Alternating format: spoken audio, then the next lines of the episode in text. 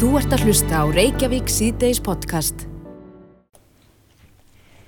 Í dag er Valentínsvar dagurinn, 14. februar. Stóri dagur elskenda.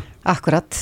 Þetta er auðvitað, sko, þessi umræða fer oft í gang þegar að uh, við lítum á þetta sem eitthvað svona amerískan dag, þetta er eitthvað bandarísk hefð sem við erum búin að taka upp hér og það er ekkert allir á eitt sáttur um það hvort að við ættum með öndilega að vera að fagna þessum degi. Einmitt. Og ég rakst á í frettablaðan í dag að þar er talað við eh, Guðmund Brynjólfsson, hann er í töndur og djákni með meiru.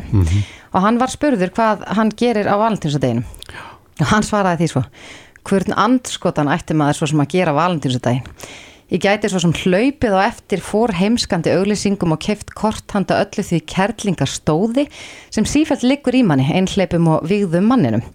Verandum þessa myndir eftirst sóttasti karlmaður landsins yfir 30. En mér dettur ekki hug að rjúka til og þóknast sí græðandi og grenjandi kaupmanna stóðinu sem elur á hégóma, útlitt styrkun og minnumáttakent kvenna. En grettu meðvirkni og heimóttarskap heilalausra karla. Valentínsdagurinn er ekki neitt, neitt nema enn einn vittnisspurður um andlega hnignun og eftirsókn eftir vindi í því vitsmuna skerta rók raskati sem samtími okkar er. Valentínsdagurinn og pýrum párið honum fylgjandi er afvegalegandi fíguruverk á tímum náttúruleysar ástar á tímum þegar við þurfum einmitt að einbytta okkur að því að elska skilliðislaust í nánd og af heiðarleika á okkar eigin forsendum en ekki á forsendum fróðu og glingur. Nei, þetta er rótök. Þetta er rótök, en þessi dagur er orðinansi stór hér, sömur kannski tengja þetta bara við blómabúðir. Já, ég vona að Guðmyndi líði vel í dag. Ég vona það líka, hann sé bara gladur. Já, En í kvöld er valentínusar hittingur, já, ekki bara fyrir uh, sko, þá sem eru í parsambundum, heldur Mhm. líka bara einhlepa á alla sem vilja mæta. Og uh, þær eru sestar hjá okkur. Anna Margrét Ólastóttir, listakonna sem að rannsakaði hverstagslega romantíki í sínu meistarnámi og Brynhildur Björnsdóttir, könnur hjá hennu íslenska ástar rannsóknar félagi komið sælar. Komið Sæl verið, gleðilegan valentínsdag Já, er það ekki? Við byrjum kannski með smá sprengju þarna frá hann Guðmundi. En, en finnið þetta, er fólk eru sögumir mjög skeptiskir eins og hann á þennan dag? Já, Já. já. Ég get alveg tekið undir, undir það sem hann sagði. Mér finnst þetta bara besta ljóð sem ég hef heyrt. Já, kannski bara flytt þetta á eftir Ég á- skal- á ég skal senda þér skjáskot Já, af þessu. já, einmitt, Þetta var svakalegt. En við erum einmitt sko að halda upp á svolítið valentínusdaginn einmitt svolítið sammála honum sko og í snæðan fyrir að hérna, hafna þessum degi þá bara frekar að upphefja okkar innri romantík og svona þessa andkapitalísku romantík þannig að Mhm. við, erum, við erum ekki að hlaupa eftir um, hérna, fróðu varningi uh, kapitalismans heldur Nei. meira bara hvað er romantík og hvernig getum við verið romantísk náttúrulega flesta daga sko en líka bara í dag er hvað, svo- hvað, fyrir til, hvað er rómatík? Hvað er rómatík? Er, er hægt að skilgrina rómatík? Sko, það er náttúrulega markans hagkerfið, kapitalismin, hefur bara unnið mjög hörðum höndum að því að búa til þessa skilgreiningu. Og það er til dæmis að, að hérna, þú veist, rauðar rósir eru romantískar en hvað er maður að appisinnugulir túlipannar eru ekki romantískir og, og, og konfekt er romantíst en brjósikur er það ekki, skiljiði, við erum, við erum, við erum búin að búa til og, og hérna, búa til svona ákveðin ramma utan um hvað á að vera romantíst og hvað það er þá sem við eigum að gera í dag, eigum að kaupa handa þeim sem okkur þykja vendum og svo framvegis og, og, og hérna, jafnvel sko að það sé bara mæli hverði á ástina í sambandinu hvort að makin man eftir þessum degi og hvort hann gerir eitthvað spennand og ég mitt er nú hérna í síma áskrift hjá Vodafone. Það sem að er, er, ég er með svona tveir fyrir einn hérna, þú veist það er svona tveir fyrir einn tilbúð fyrir mm áskrifendur og þau eru oftast ekki um helgar því þá er náttúrulega bara eðlilega meiri hérna á matsölustöðum og svona. En þau eru hins vegar á, á mándum og þriðudum oft en ekki í dag. Já, tóku þeir það Það af tóku það af í dag, sumir út sumir veitingastæði sko, gerði Mm. það, ekki það er náttúrulega, ég held að votu hún á hvað þetta ekki sjálft sko, en, en hérna, já, en það er nefnilega, þá er bara gengið út frá því að þetta sé dagur þar sem að pör fara út að borða, þá er ekki tveir fyrir einn rugla því, það er bara tap fyrir, fyrir veitingastæðin. Þannig að sko við, við erum búin að búa til þennan rosalega ramma utan um hvað á að gera á svona dögum og hvað á, um mitt, og hvaða, og hvaða gjafir eru við hæfi og svo framvegis. Þannig að hérna en það er kannski allt saman um leið við segi þetta því þú spyrir nú hvað er rómantík þá erum við kannski rauninni kannski samála guðmundi með það að þetta er síðan kannski alls ekki rómantík. En því rómantík getur verið svo margt og þetta er náttúrulega skilgreining orðið er upphaflega úr hérna, þess að sagt var upphaflega að nota sk- um svona gaman gáska leiki frá, frá Rómaveldi og þetta var notað um, um svona hérna á, á, á miðöldum í Englandi. Þegar var verið að taka svona gam, gömul leikrit frá Rómaveldi þá var það eiginlega bara þýtt í bókstaflega svona grín og gleði svolítið svona, já, svona, svona leikrit með svolítið svona, hvað ég var að segja kátum og, og, og já, við losta fullum undirtónum og, og hérna og, og leikrit og bókmyndir og ljóð og svona upprunni Rómaveldi en hérna þannig að orðið er komið þaðan.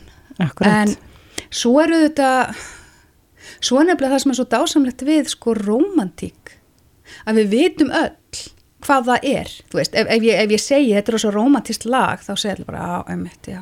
Vekur upp eitthvað svona kannski Já, einhver tilfinningar hug- Já, vekur upp hlýja tilfinningar. Rómatík á að snúast um, eða snýst mjög, eða sem sagt, hugmyndin um hana snýst mjög yðurlega um hérna, um hérna parasamband, sko og það að, að, að pör lá- láti hvort öðru líða vel og gefi þeim, sem sagt, sem sagt síni ást sína með einhverjum hætti.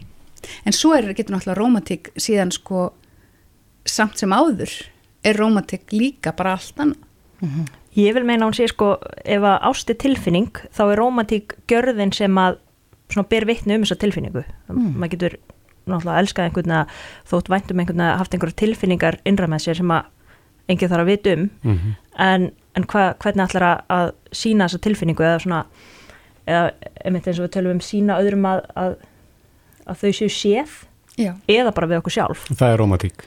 Já, ég, ég er svona Mhm. aðeins Já, búin að vera að vinna Getur með maður að vera þetta, romantísku sko. við sjálfan sig? Já, já, já, já, bara, eins, bara heldur betur, Já. bara eins gott og líka bara með vinnum eða ku- kunningjum eða fjölskyldu eða stað eða stund eða ókunnum. Mm Mér finnst þessi dag nefnilega a- a- a- frekar áhuga verður vegna þess að maður hefur séð í endrast af bandariskum bíómynd, hvern- bíómyndum hvernig sko bekkjarfélagar eru bara að senda hvert öðru einhver svona valentínus að bref en hér er þetta rosalega mikið sko pör og jafnvel meira þannig að, að karlmenn ættu nú að vera að glæðja konurnar sínar Mhm.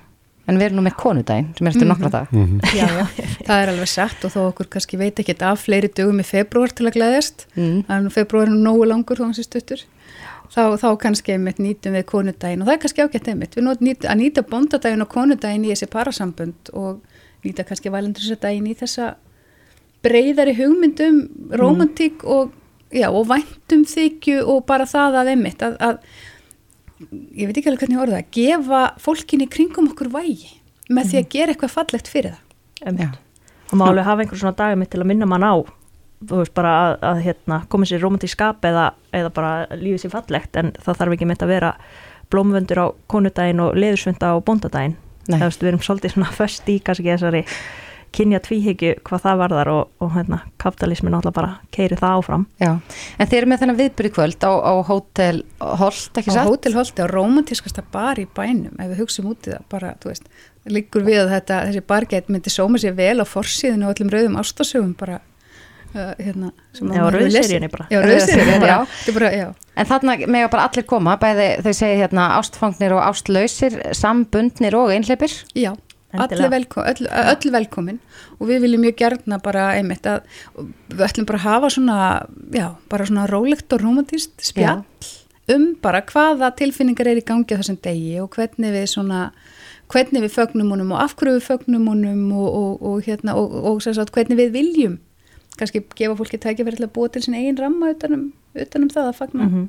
fagna romantíkinu og kærleikanum í sjálfu sér. Mm Akkurat. Þetta hljómar mjög vel. Við hvetjum þetta bara alla til þess að skella sér á, á Hotel Holt Já, klukkan 6. já, Mhm. aðgangur bara, það er bara opið og að, engin aðgangsverður en neitt hannig. Nei. Anna Margrét Ólastóttir og, og Brynhildur Björnsdóttir, eh, kærar þakki fyrir komin á til hamingi með daginn. Takk sömu Takk, sömuleiðis. Þú ert að hlusta á Reykjavík C-Days podcast. Jæja, Reykjavík síðdeis heldur áfram klukkan 27 minútu gengin í 5 og uh, það er verið að vika út uh, verkvall, eblingar og eblingar fólks. Já, stýttist í að flutningabilstjórar leggja niður störf. Akkurat og svo uh, er verið að annarkvort, já, ég nú minnum ekki á því hvort það sé búið að kjósa eða verið að fara að kjósa um, um áframhaldandi verkfallsaðgeri sem að ná til að ja, töluvert stærri hóps, Mhm. 650 manns. Já, en í dag byrtist greinin á vísi.is sem ber heitið Nú er nóg komið og það er hún Bjarnheður Hallstóttir formaður samtaka ferðarþjónustunum sem skrifar þar og er að já, nýta í eblingu og segir að eh, já, ferðarþjónustun þurfi ekki á heimagerðum hamförum eblingar að halda Mm Og Bjarnið er komið til okkar, velkomin. Takk fyrir. Já, það mennur svona sambálum það að ferðarþjónustan mun svona finna hvað harðast fyrir þessu. Þetta er náttúrulega verkvöld hafinn á hótelum en, en svo er það oljan og bensinnið Já, sem að knýr ykkar tæki áfram líka. hárið rétt. Einnig líka, við, ég rakst á, á viðtal við forstjóra Play áðan sem talaði líka um það að þetta getur haft áhrif á bara flugsamgöngur og, og mjög víða. Hvernig já. metið þið stöðuna? Ég var í þessari grein svona í rauninni að uh, lýsa því hvernig þetta blasir, þessi staða blasir við ferðarþjónustunni og ferðarþjónustu fyrirtækjunum í landinu. Við erum náttúrulega að koma út úr gríðarlega erfiðum tímum eins og allir vita, nánast uh, tekjulegsum tveimur árum og erum svona rétt að komast upp á nýjan eftir þær hamfærir allar, þannig að okkur finnst þetta svona svolítið eins og sé verið að ráðast á garðin þess að mann er lægstur að, að ebling skulle einbeita sér svona með hörðum hætti að, að ferðarþjónustunni og ég var svona líka að eh, teikna upp svona hvað er framöndan, hvað blasir við þegar að þessar verkvall, verk, verkvallsaðgerir þær verða harðari eftir því sem tíminn líður. Farða eins yfir það með okkur. Já, við vitum náttúrulega að það er búið að vera verkvall á Íslandshótelum og Fosshóteli núna í, í heila viku og, og þeir voru núna að senda út afbókanir fyrir eh, öll, öll þessi hótel frá og með 17. februar sem þýðir bara það að þeir eru að rauninni að útýsa gestónu sínum, eh, þó ég sé ekki segja það í neikværi merkingu og síðan taka við verkvöld á fleiri hótelum á, á morgun, Berjæja hótelum eða fyrirverandi Æslandir hótelunum og, og fleiri hótelum og síðan eftir viku þaðan í frá þá verða eh, líklega ennþá fleiri hótel sem að verða skotmörk eflingar í, í þessari lótum. Þannig að við sjáum fram á það núna strax bara um helgina að það getur orðið bara alvarlegt ástand þegar að ferðamenn eru að koma til landsins og, rauninni fá ekki gistingu og við höfum tekið svona svolítið saman frambóð og eftirspurn á hótelherbyggjum í Reykjavík um helgina og það gæti farið svo allt upp í 2000 manns verði hérna gistingar lausir núna strax um helgina. Á götunni. Já, hreinlega bara á götunni. Er einhver leið til þess að, að já, snúa því við? Er, er eitthvað hægt að gera svo að þetta fólk fái einhver staðar inn? Það er mjög erfitt, erfitt að gera eitthvað í þessu vegna þess að nýting á hótelum í Reykjavík núna þessa dagan er alveg upp í 90% þannig að þau hótel sem eru ekki í verkfalli þau geta lítið, litlu tekið við og sama má segja um hótelin hérna í nágrinni höfuborgarinnar, þau eru líka mjög vel bókuð þannig að þetta er hálfgjör pattstaða sem að muna öllum líkindu koma upp og það strax núna um helgina. En hvað með flutning á fólki? Það þarf að ferja fólk milli staða, rútu, fyrirtæki og slíkt sem að ganga Já, til já, olíu. svo, svo kemur það í viðbót svona þegar það fer að líða á þessa viku þannig að við sjáum fyrir okkur að, að ástandið eins og ég segi gætu orðið bara mjög snúið strax um næstu helgi. Já. Akkurat. En, en nú erum við auðvitað búin að tala mjög mikið um þessa deilu og uh, já, dómur landsréttar í gær uh, gerði það í raun og vera verkum að, að lítið hægt að gera heldur en að setjast niður og tala saman. Er, er, er þú vongóð um það að það náist einhver niðurstaða? Já, nú er í rauninni ekki kannski alveg þannig því að núna er uh, í rauninni miðluna tillagan er ennþá lögleg þannig að nú er væntalega að kemur ný ríkisáttar semjari til skjálana vonandi í dag þannig að það er spurning hvernig hann tekur á því hvort að hann leggur hana fyrir með ykkur á móti eða ekki og við verum í rauninni bara að taka stöðuna svona þegar við sjáum hvernig, hvernig það verður. Akkurat. Já, um, ferðarþjónustan, þú tel, tala líka um það þarna í greinni að, að þetta hefur þetta verið gríðarlega erfið tími. Hvernig er hljóðið í, í svona ykkar félagsfólki? Þessar aðgerðir hafa þetta beinst að, að Íslands hótelum nú þegar og, og nú annari hótelkeðju en, en hvernig er hljóðið í bara minni aðilum innan ykkar viðbanda? Það er bara ekki gott, við vitum náttúrulega sem er að ferðarþjónustan hún byggir náttúrulega á samfunnu margra fyrirtækja, þetta er svona keðja sem að má ekki rofna ef ein, eitt lekkurinn dettur út þá hefur það strax áhrif á alla hina þannig að það er alveg ljóst að þetta fer fram sem horfir ef þessum, þessi verkvöld verður veruleika þá mun öll ferðarþjónust á Íslandi lamast með einum öðrum hætti og það eh, mjög fljótlega. En þú ert eh, með ferðarþjónustu fyrirtæki sjálf, Já, eh, Kalla Travel já, og ert að flytja það ekki þjóðverið hinga til landsins. jú. Hvernig er staðan bara þínu fyrirtæki? Já, mínu fyrirtæki, ég ætla nú ekki að segja sem betur fer en þetta uh, hefur ekki mikil áhrif á mitt fyrirtæki. Við erum meira með, eða langmest með ferðamenn frá svona mæ til uh, september, oktober. Mm Þannig að mitt, mér persónlega, mitt ekki með snerta mig persónlega en, en eins og ég segi fjölmarga kollega mína og út um allt land Og eru fyrirtækin að verða fyrir tjóni? Þar að segja, þetta er náttúrulega viðskipti sem verði ekki en, en skadabætur og annars líkt það verður gríðalegt tjón á þessu. Það, það er þegar orðið mikið tjón hérna á hótelunum í Reykjavík sem hafa bæði verið að afbóka eh, gesti og taka, stoppa bókanir fyrirfram til þess að hérna lendi ekki vandræða með gestina.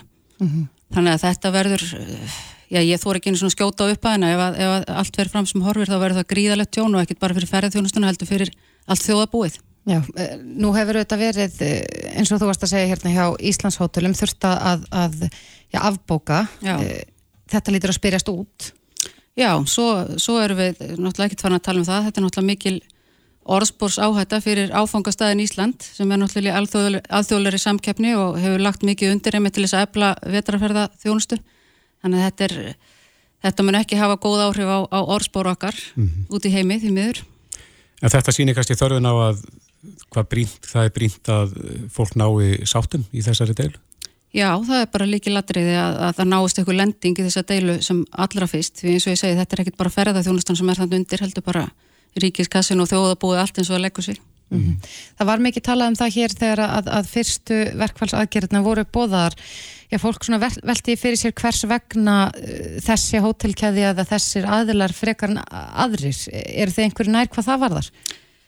Það hafa náttúrulega verið ímsar spekulasjónu með það, það uh, sumir vilja meina að ebling hafi talið sér fá þarna uh, meðbyr með verkvöldum hjá þessum ákveðna hópi starfsmanna, hvað sem til er í því.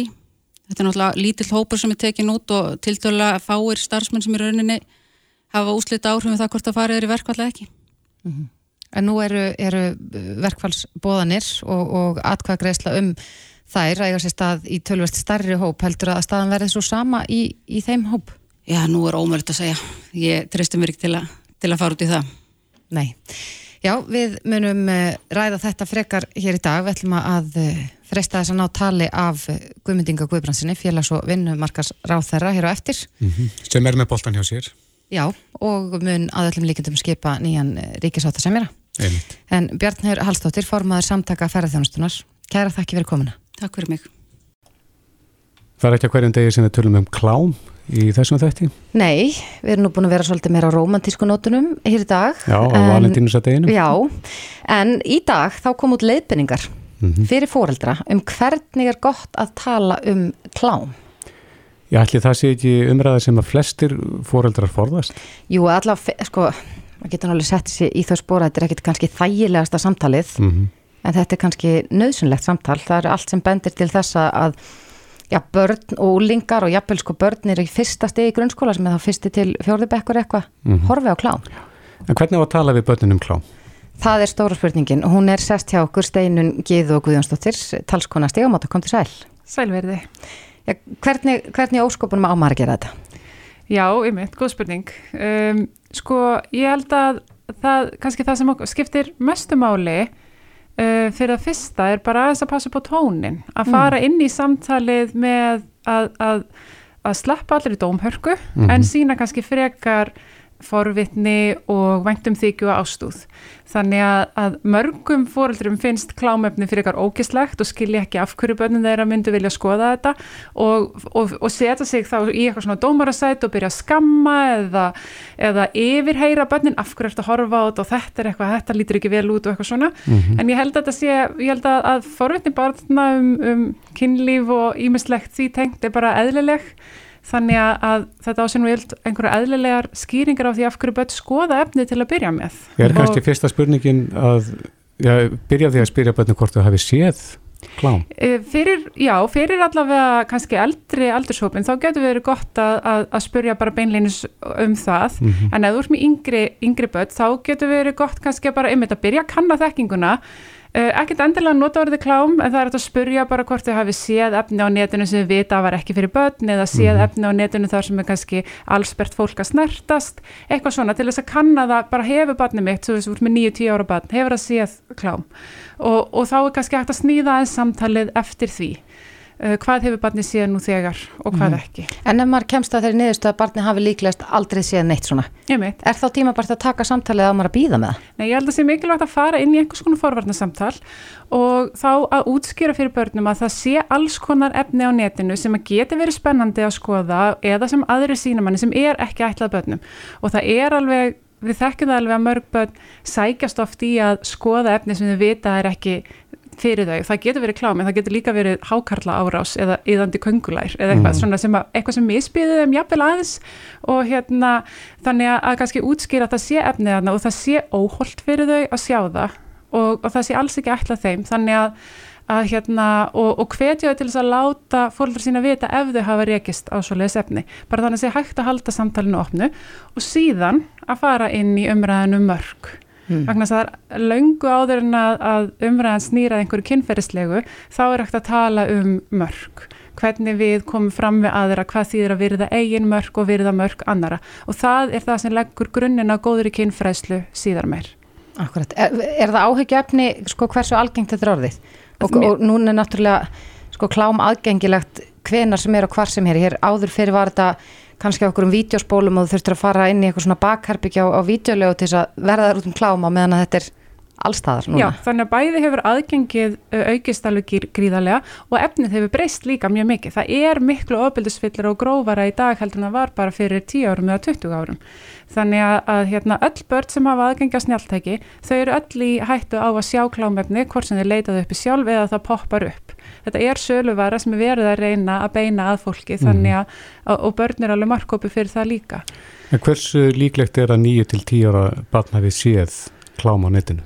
Já, sko það er nú bara til ein íslensk konun á því hvenar hvað börn voru gömul þegar þau sá klámi fyrst skipti og þá komi ljós að þau voru rúmlega 11 ára.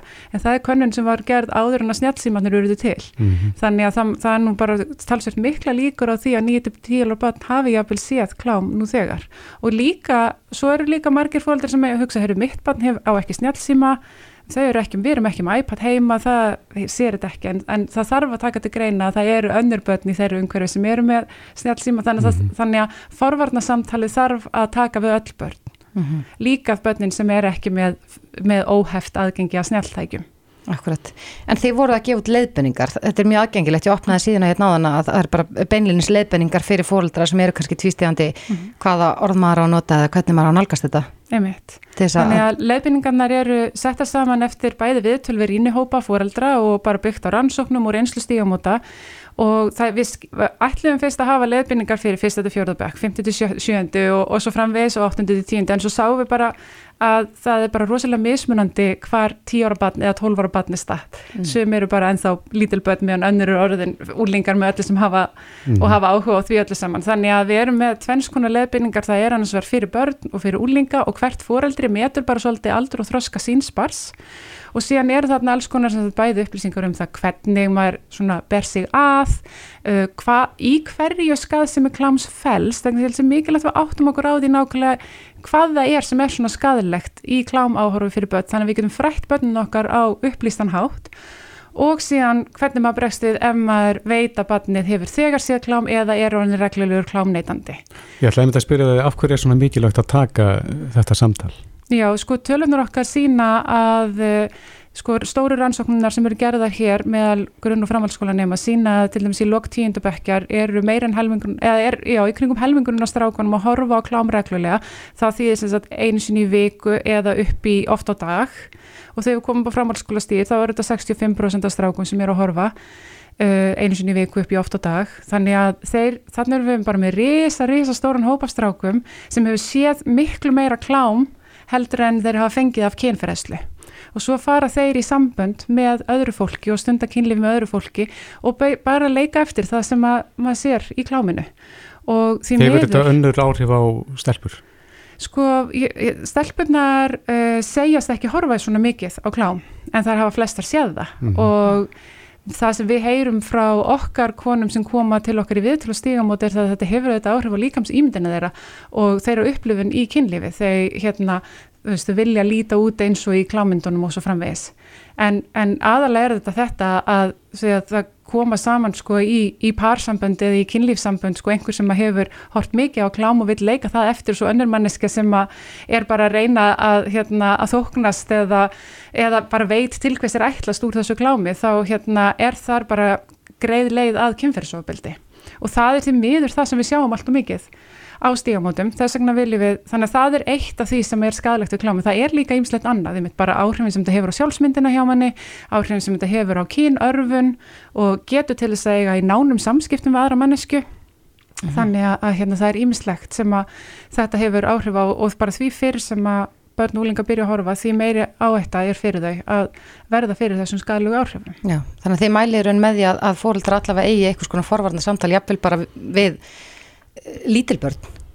Já, bara að hérna byrja á að kynna sér leifinningarnar, vera sjálf uh, vissum hérna sko, í hverju félags þessar skalu afleggingar og síðan bara eiga samtul alveg eins og við hérna útskýrum fyrir börnum hvað er hollur matur og að orkudrykkir séu fyrir, fyrir fullorna og, og áfengi og výmaöfni séu, séu við byrjum börn og úlengum að býða með að neyta uh, til dæmis slíkar efna.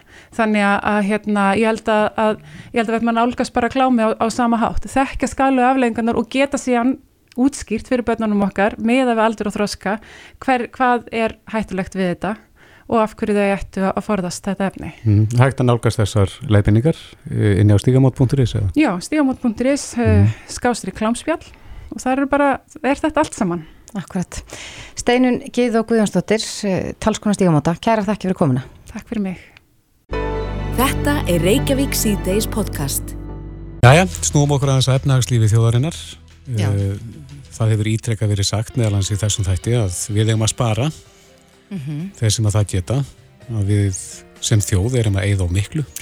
Já og uh, þetta var auðvitað hérna umræðin í síðustu viku þegar stýrivextir voru hækkaðir en svo heyrum það svona á fólki í kringu sig að það eru þetta fjölmarkir sem að hafa bara ekkert ráð á því að vera eigða og eigða Mm -hmm. og líka bara erfitt að spara og svo verðast við lítið um svörum það sko, hvernig maður á að spara vegna þess að, að það gagnast mann ekki mikið að leggja peningin í banka. Nei, en við erum ákvæmst á aðteklisverða fjörsbókafæslu sem að hann setti inn á Marin og G. Njálsson ráðgjafi, hann er komið til okkar velkomin.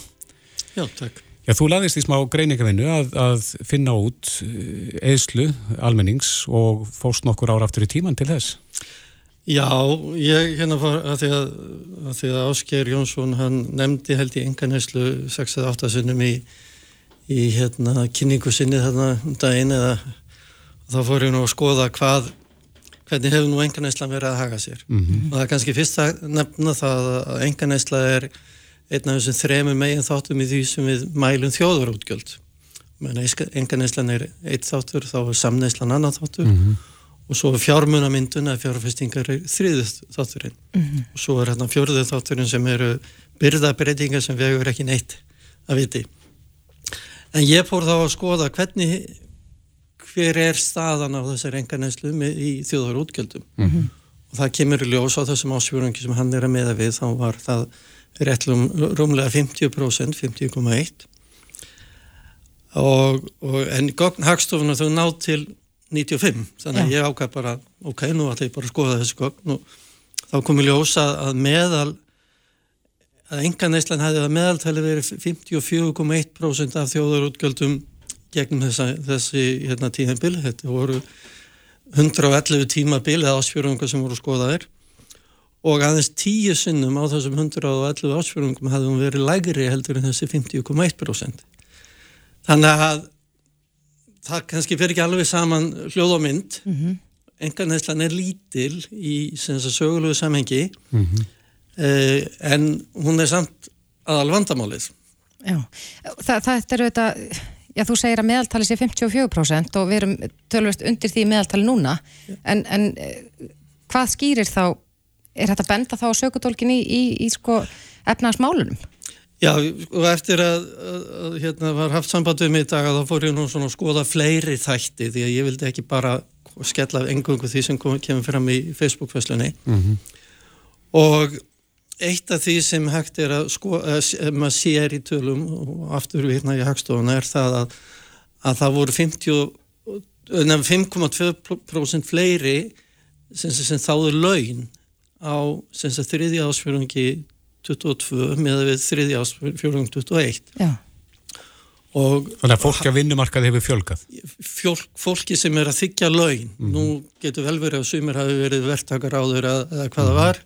En og bara það að fleiri voru að fóra launagreðslur gerir það verkum sjálfkrafa að neysla ykst þannig að enga neyslan jógst um 7,2% 5,2% fleiri á, á er að þykja laun.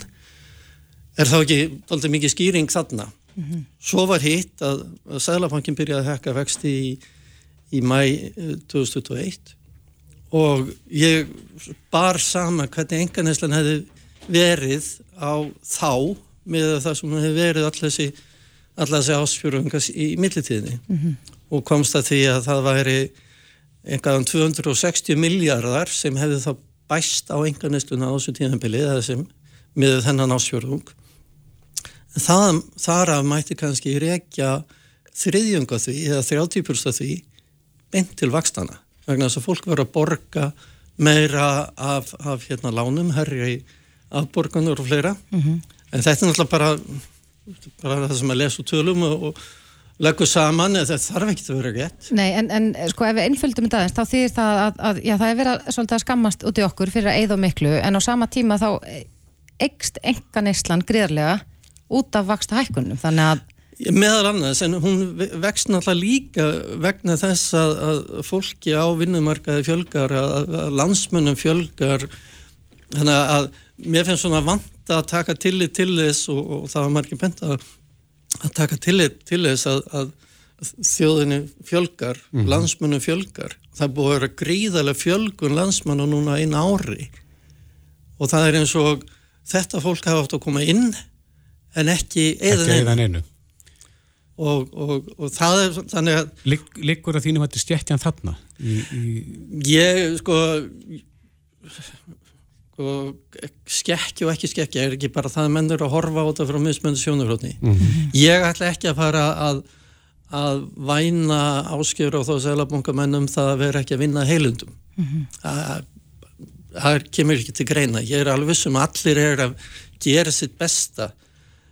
Menn er bara að horfa á teningin frá mismunandi hliðum og það er það sem skiptir öllu máli að, að við þurfum að horfa á hann frá öllum hliðum. Já, eitt af því sem var líka talað um hérna þegar stýrivexti voru hækkaðir eh, síðast að eh, já, kjara samningar hefðu ekki hjálpað. Þessir góðu, jafnvel of góðu að mati sælbankastjóra kjara samningar en, en þú bendir líka á það í færslunni að, að það sé nú ekki sama sem er ekki endilega á milli þess að, að fá eh, einhverja launahækkun og það fari bara beint í að auka enganisluna, að fólk fari kannski frekar í það að, að lækka skuldir eða greiða niður yfirdrátt og annað slíkt.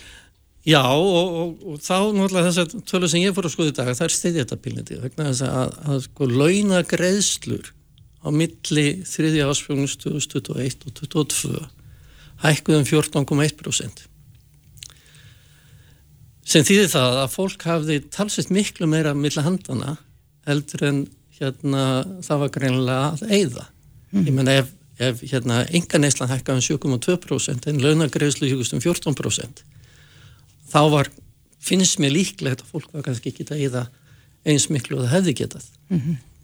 Og síðan er allar þess að þvinguðu þessi þvingaða neysla eins og íbúðalánin að, að hérna þau fólk eða fjármála fyrirtæki trúa því ennþá að fólk hérna láti íbúðalánin ganga fyrir. Ég held að, að, að 2000 undurmála Kyrrisan 2007 hefði nú afsanna það að það væri málið.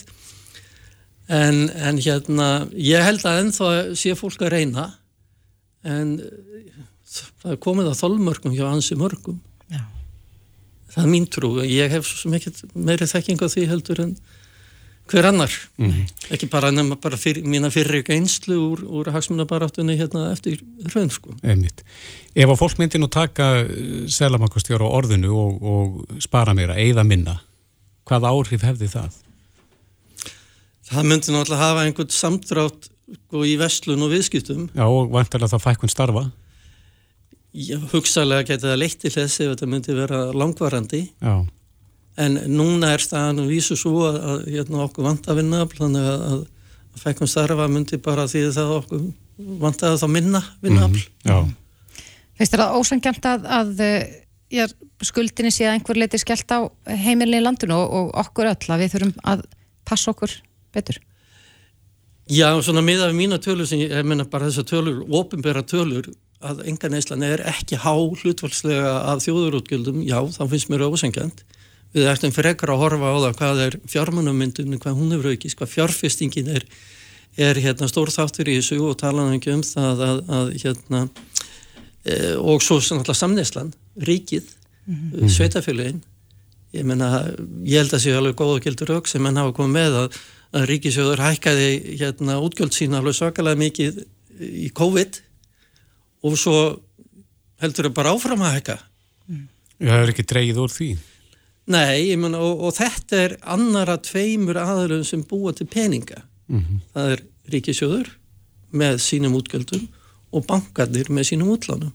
Þannig að við verðum kannski miklu fyrir ekkar að fókus á það sem eru að búa til peningana og fá þá til þess að draga úr peningamyndunni en ekki að horfa á fólki sem sko vil bara bæta lífskeilisinn aðeins og er eða. Mm -hmm. Það vil tækja fyrir til þess. En með öðrum orðum var nú eftir að segja að íslenska þjóðin sé blórabökull í, í þessu dæmi hjá Sérlabakastjóra og svona með að við þess þín ódreikninga? Ég myndi segja það að, að, að hérna, það séu aðrir sem vegi þingra í þessari verbulgumyndun heldur en almenningur mm -hmm. og, og það bara af þessum tölum sem maður skoðar og, og eitt er þetta sem ég nefniði mitt í, í fæslunni það er það að að hagnaði fyrirtækja 2021 var 674 miljardar það er lang, lang, lang hæsta hagnaðatala sem við höfum séð mm. af fyrirtækjum og, og þarna vandar inn í fjármála fyrirtækin og þau eru ekki með í, í þau eru ekki með í þeirri töl Akkurat, já þetta er aðtiklisverð greining og, og kannski fær mann aðeins þess að hugsa hvort að það sé rétt að við þurfum að eigða minna og Var, spara meira spara meira. Marin og G. Njálsson, kæra þakki fyrir komuna. Já, bara takk fyrir að fá mig. Þetta er Reykjavík C-Days podcast. Í dag er dagur elskenda. Valentínusardagurinn. Mm. Við rættum þetta nú aðeins hérna áðan og romantík eru þetta alls konar en ég held að við hljótum nú öll að vera sammála um það að ást er hennilega indisleg. Mm -hmm. Góð tilfinning. Mjög góð tilfinning. Eh, getur líka verið svona súrsár Já, vissulega. Ef hún er eftir endur góldin? Já, það er kannski svolítið erfitt. Já. En maður elskar þetta, uh, ekki bara maka sinn. Ég elskar börnin mín, fjölskylduna og Já. bara geta lengi talið. Ingrid Kólmann skrifaði grein emitt um ástin og áhrif ástar á líkamann og svona líkamlega heilsu. Velkomin Ingrid. Takk fyrir. Já, hvað gerir ástin fyrir okkur? Það er bara mjög margt. Ástin getur haft áhrif á bara heilan á líkamlega líðan, á andlega líðan og það er til dæmis mjög merkilegt að e, ást bara það að horfa á mynd af mannesku sem við elskum mm -hmm. getur dreyið úr sálsöka bara það eitt. Hefur þetta verið mælt? Virkar sem sagt verkja stillandi, þetta hefur verið mælt Já. og verið sínt fram á. Og svo er kannski einn tegund af ást, þú talar um börnin og, og, og bara fólkið í kringum okkur. Við tengjum ást auðvitað oft við svona langtíma sambönd og romantíska ást mm -hmm. en það eru þessi hverstarslegu augnablík sem að skipta svo miklu máli það getur verið bara gott samtal við samstagsmann eða fá klapp á bakið eða að eiga í góðum eh, nærandi samskiptum við til dæmis nágrana börnin og svo framvegist, það er ekki bara þessi romantíska ást sem að skipti máli og, og bara þessi tengsl og umhyggja og hlýja skipti miklu máli. Og svo er það ástin í eigingarð, við gleymum oft að sjálfsást getur gert mjög mikið fyrir okkur. Mm -hmm. um, bara til að sína sjálfum okkur uh, mildi og hlýju og skilning. Um, þetta gleymist oft. Við erum nefnilega svolítið góð í að sína góðvild í garð annara til dæmis þegar góður vinu ger mistök. Hvað segir við? Þetta er allt í góðu og þú læri bara þessu og þú gerir bara betur næst og þú gerir þitt besta, það hlýtur að döga við gerum öll mistök, við erum öll mannleg. Svo þegar við gerum sjálf mistök þá erum við ekki svona skilningsrík þá segjum við hvaða vittleysi að hvers konar kjáni ert þú einlega og getur mm -hmm. þú aldrei gert neitt rétt á að rakka okkur niður Já.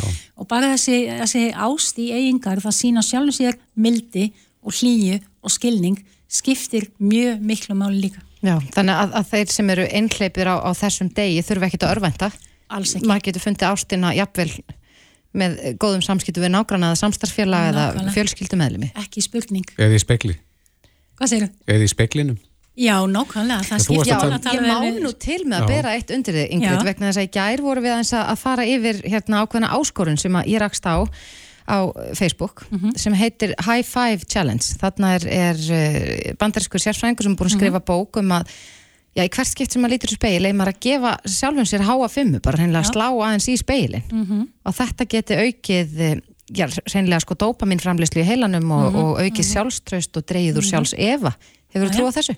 Ég held að ef maður trúir þessu að þá virkar það Já. og ég menna að það hafa fleiri talað um þetta ég menna Páll Óskar hefur oft nefnt þetta bara vakna á móknana, horfi í speilin og segja bara mikið ertu gorgeous og, og bara, og fyrsta orðið á að vera já, þannig að ég held að þetta virki auðvitað ef maður trúir því þá virkar það Það er Sko í það spurning. minnsta að þá gleður þetta vegna að ég er búin að gefa Já. sjálfur mér nokkur Já. high five í dag í speilin Já. og ég ætla að brosi í hvert skipti Já. og þetta er svona náttúrulega freka fyndið að standa þér svona speilin og slá í hann. Já, þessi tilhörinu stendur yfir að þér. Já, já, hún stendur yfir, ég ætla ekki að þetta Nei.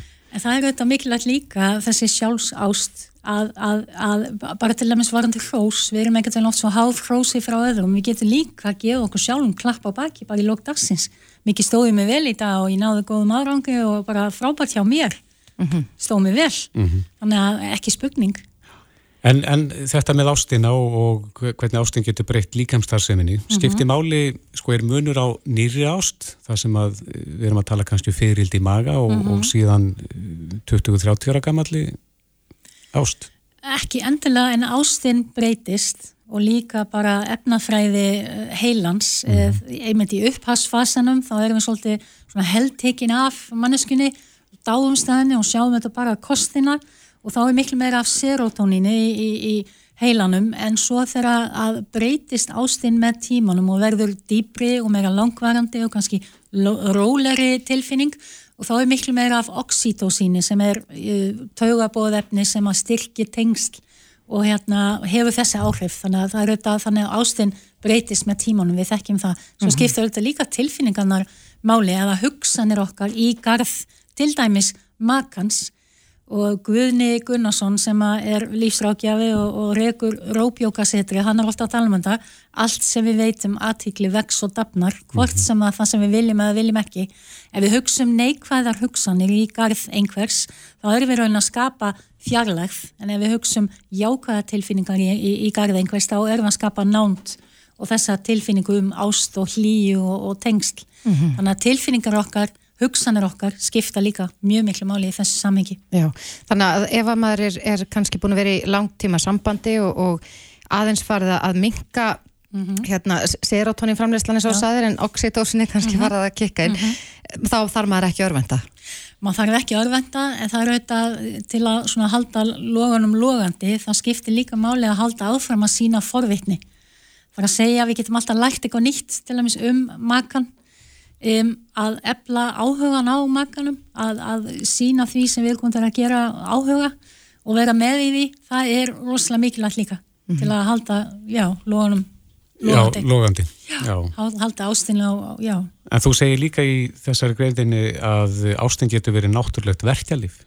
Já, ástin getur dreigið úr sálsöka, það er alveg ótrúlegt og bara með, með, með því að horfa á mynd af einhverjum sem við elskum þá getur það haft verkjastillandi áhrif. Þannig að það er alveg ótrúlegt.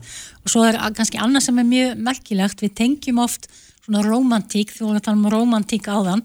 Við tengjum hana oft við svona dinner við kertaljós kvöldverð við kertaljós.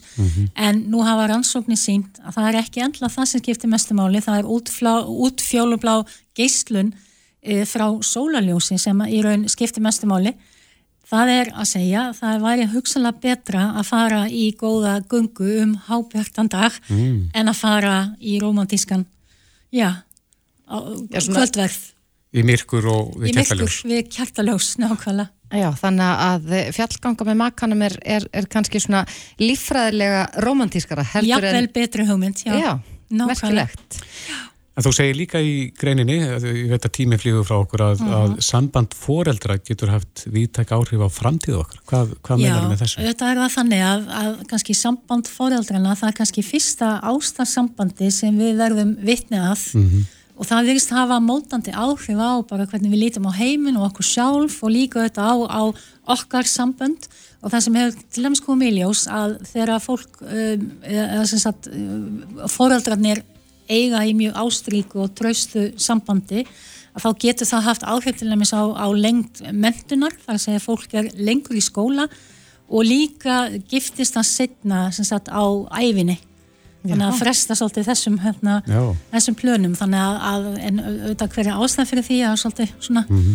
maður getur velt fyrir sig hvers, vegna- hvers vegna það er en þetta er svona remarkilega staðrind Já, þetta er, er stór skemmtileg grein og mjög viðegandi á þessum degi og við hvetjum þetta alla til að kíkja á óvæntar staðrindur um ást og velliðan inn á Ek- vísi.is. Ekki spurning, Ingrid Kúlmann, alltaf gaman að fá því í heimsókn. Kæra þakki fyrir að koma til okkar. Takk sem er leiðis Reykjavík síðdeis á Bilginni podcast. Jæja, við höldum að fram í Reykjavík síðdeis og uh, stóra frétt dagsins uh, í máli uh, fréttum um deilu eblingar gegn SA. Er Ástráður Haraldsson, hérastómari, hefur verið settur ríkisáttasemeri í þessari vinnudeilu. Mhm. En í gær tilkynnti aðalsinn Leifsson, ríkisáttasemeri, að hann myndi segja sig frá deilunni og, og fór fram á það að, að fá að víkja. Akkurat, hann sagði það við okkur í gæra, hann hefði talað við vinnumarkansar á þeirra og, og uh, já, svona óskaði eftir að fá allavega stíða til hliðar í þessu máli vegna þess að hans persóna hefði verið dregin inn í þetta mál. Hann er á línunni hjá okkur núna, Guðmundur Ingi Guðbrandsson, félagsmála og vinnumarkansar á þeirra, komdu sæl. Já, sælveriði. Já, hann uh, aðstill Leifsson, ha- hann óskaði eftir því við þig að fá að segja sér frá þessari tilteknu deilu. Uh, kom aldrei til skoðunar að hann myndi reynilega víkja alfarið? Nei, það hefur ekki komið til neitt skoðunar og ég brást bara mjög vel við þessari óskans að e, fara frá í þessu eina máli og hefur notað núna það sem eftirliði gerdagsins og, og daginn í dag að, að finna mann í hans stað og það er Ástráður Haraldsson e, sem hefur þá verið settur ríkisáttasemjari í þessari deilu S.A. og eflingar. Barstu þetta undir deilu aðila hvort að hann væri þeim þóknarlegur? Já, ég, ég veit að hann hefur sint störfum áður eh, hjá ennbætti ríkisáttasemjara og ég eh, vænti þess að, að, að deilu aðilarnir uh, séu sáttir við, við, við hann. Já, þú ert vinnumarkasráð þeirra, hvernig, hvaða mat leggur þú á stöðun eins og hún er í dag? Já, ég er nú bara sammála ég öllum þeim sem hafa verið að tjá sig um þetta málum að hún er, uh, hún er, hún er alvarleg. Deilan er í óskaplega miklum nút en það þýðir ekki að það sé ekki eftir að leysa hana og uh, auðvitað ímislegt gengið á núna undarfarnar vikur en núna er bara staðan svo að hér er að koma inn nýrsettur uh, ríkisáttasemjari og ég bind vonir við að honum takist að ná deiluaðilum saman. Og ég byðla líka til deiluaðilana að, uh, að, að setjast niður með það með einbætt að vilja að, að, ná samningi sem allra allra fyrst. Já, maður heyri það á fréttum dagsins eh, meðal annars frétt sem byrtist á vísi.is fyrir skömmu síðan að sala á eldsneiti hefur markfaldast. Það hefur heyrst í aðilum ferðarþjónustunar meðal annars var Æslandir og Play að, að já, millilanda flug gæti verið í húfi. Um, svo heyrum við í fréttum líka að, að Frankaflistjóri samtaka atvinnulífsins, hann sagði að hann Já, að það var ekki útlokað að þeir eru sett lög á verkvall eblingar en, en hins vegar er lögjávaldið að sjálfsögðu í ykkar höndum. Telur það að, að það sé líklegt að sett verði lög á þetta verkvall? Já, löggjafaldið er í, í höndum alþingis. Það hefur ekkert verið rætt að setja lög á þessa deilu, þannig að það er ekki tímabært að ræða það.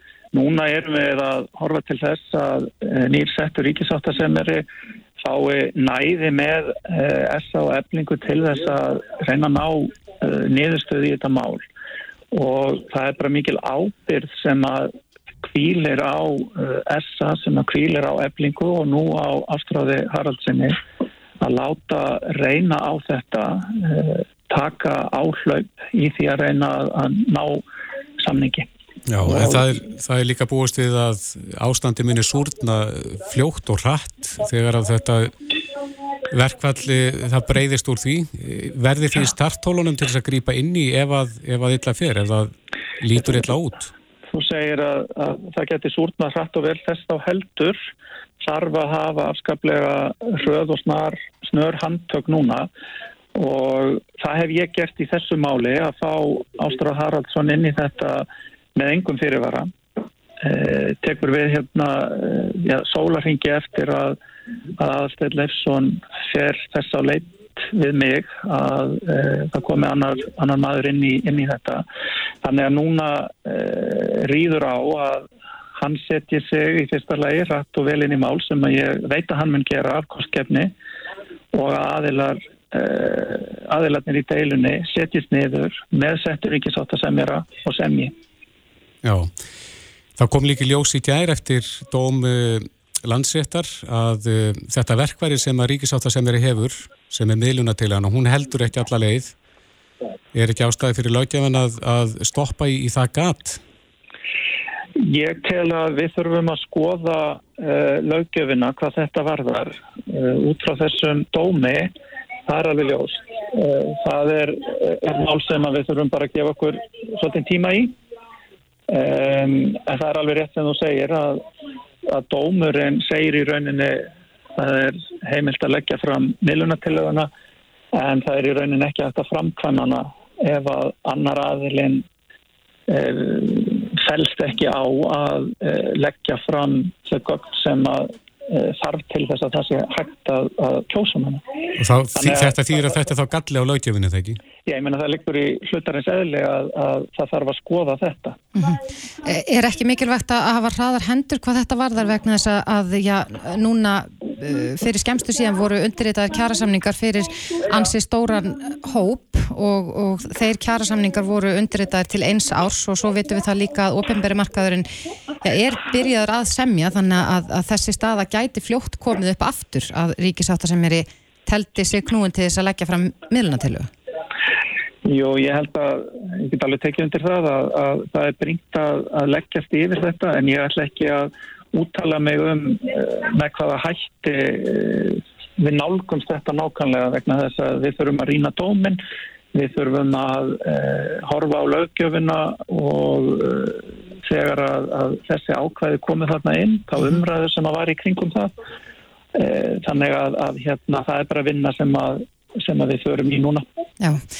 Um, Ástráður Haraldsson hann tekur við strax og, og mun leggjast í það að, að koma sér inn í málinn og reyna að hjálpa til við að leysa þessa deilu.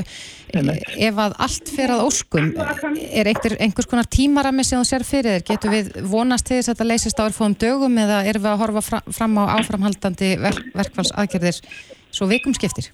Það er erfitt fyrir mig um það að segja. Núna er þetta náttúrulega í höndum ástráðs og uh, ég held að hann þurfi næði til þess að, að setja sig inn í málið og síðan að, að kalla aðelana að borðinu sem allra allra fyrst og væntanlega gerist það að já, ég myndi að halda að það myndi gerast á morgun en, en, en Ríkisáta sem er í settur hann, hann að sjálfsögðu hann að sjálfsögðu stýrir því.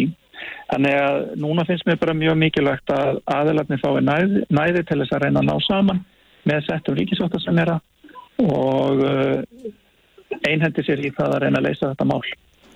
Já, við skulum vona að þessi deila leysist hratt og öruglega. Guðmundur Ingi Guðbrandsson, félagsmála og vinnumarkaðs ráð þeirra. Kæra þakki fyrir þetta. Takk svo mjög leiðis. Reykjavík síðdeis á Bilginni podcast. Það vil lengi verið uh, rætt um uh, skort á leikskólaplási í Reykjavík. Já og þetta verist vera já, svona eilift vandamál og það var til tals hér í borginni á dögunum að já, koma upp svona svo kallum foreldrastyrk. Mm -hmm. Sjálfstæðsflokkurinn lagði það til að greiða 200.000 krónur mánaðarlega til þeirra foreldra sem að annarkort þurfa eða vilja vera með börnin sín heima að fæðingarlóðu loknu. Mm, er það ekki rétt uh, greining að það vantar fólk, það vantar uh, leikskóla kennara? Jú. Í því likur vandin, Akkurat. fyrst og fremst. Já, og uh, allavega gengur erfilega að leysa þennan vanda en, en uh, já svona kannski út af þessari umræðu þetta er nú ekki alveg ný umræða að þá rákust við á grein inn á vísi.is þar sem að hún Margret Pála Ólafsdóttir sem er já, frumkvöld í uppeldurs mentamálum og líka stopnandi hjallastefnunar hún skrifar um þessar heimagreislur og, og talar um sko já að hugsa um rétt barnana líka Já, að einhver peningur fylgji þá hverju barni. Já, og Já. Að, að það sé nú bara réttur allra barna að alast upp á ákveðin hátt og, og hún er allavega á hjá okkur núna, að skýra þetta betur út fyrir okkur, kom til sæl. Já, komiði blessuð og sæl og takk fyrir símtali. Já, það var nú lítið. En, en svona, hverjir eru þínar hugmyndir varðandi þessi mál? Mínar hugmyndir uh, eru, eru þær að leikskólakerfið er í sjálfu sér sumið. Það er sprungið. Við erum ekki að ná að manna þessa skóla, það er ekki að nátt að byggja upp af næginu og hraða, það er ekki, já það er stöður, stöður skortur á fjármagni, þetta eru tómir örðuleikar og stöður sem hefur verið frábæri fyrir börn.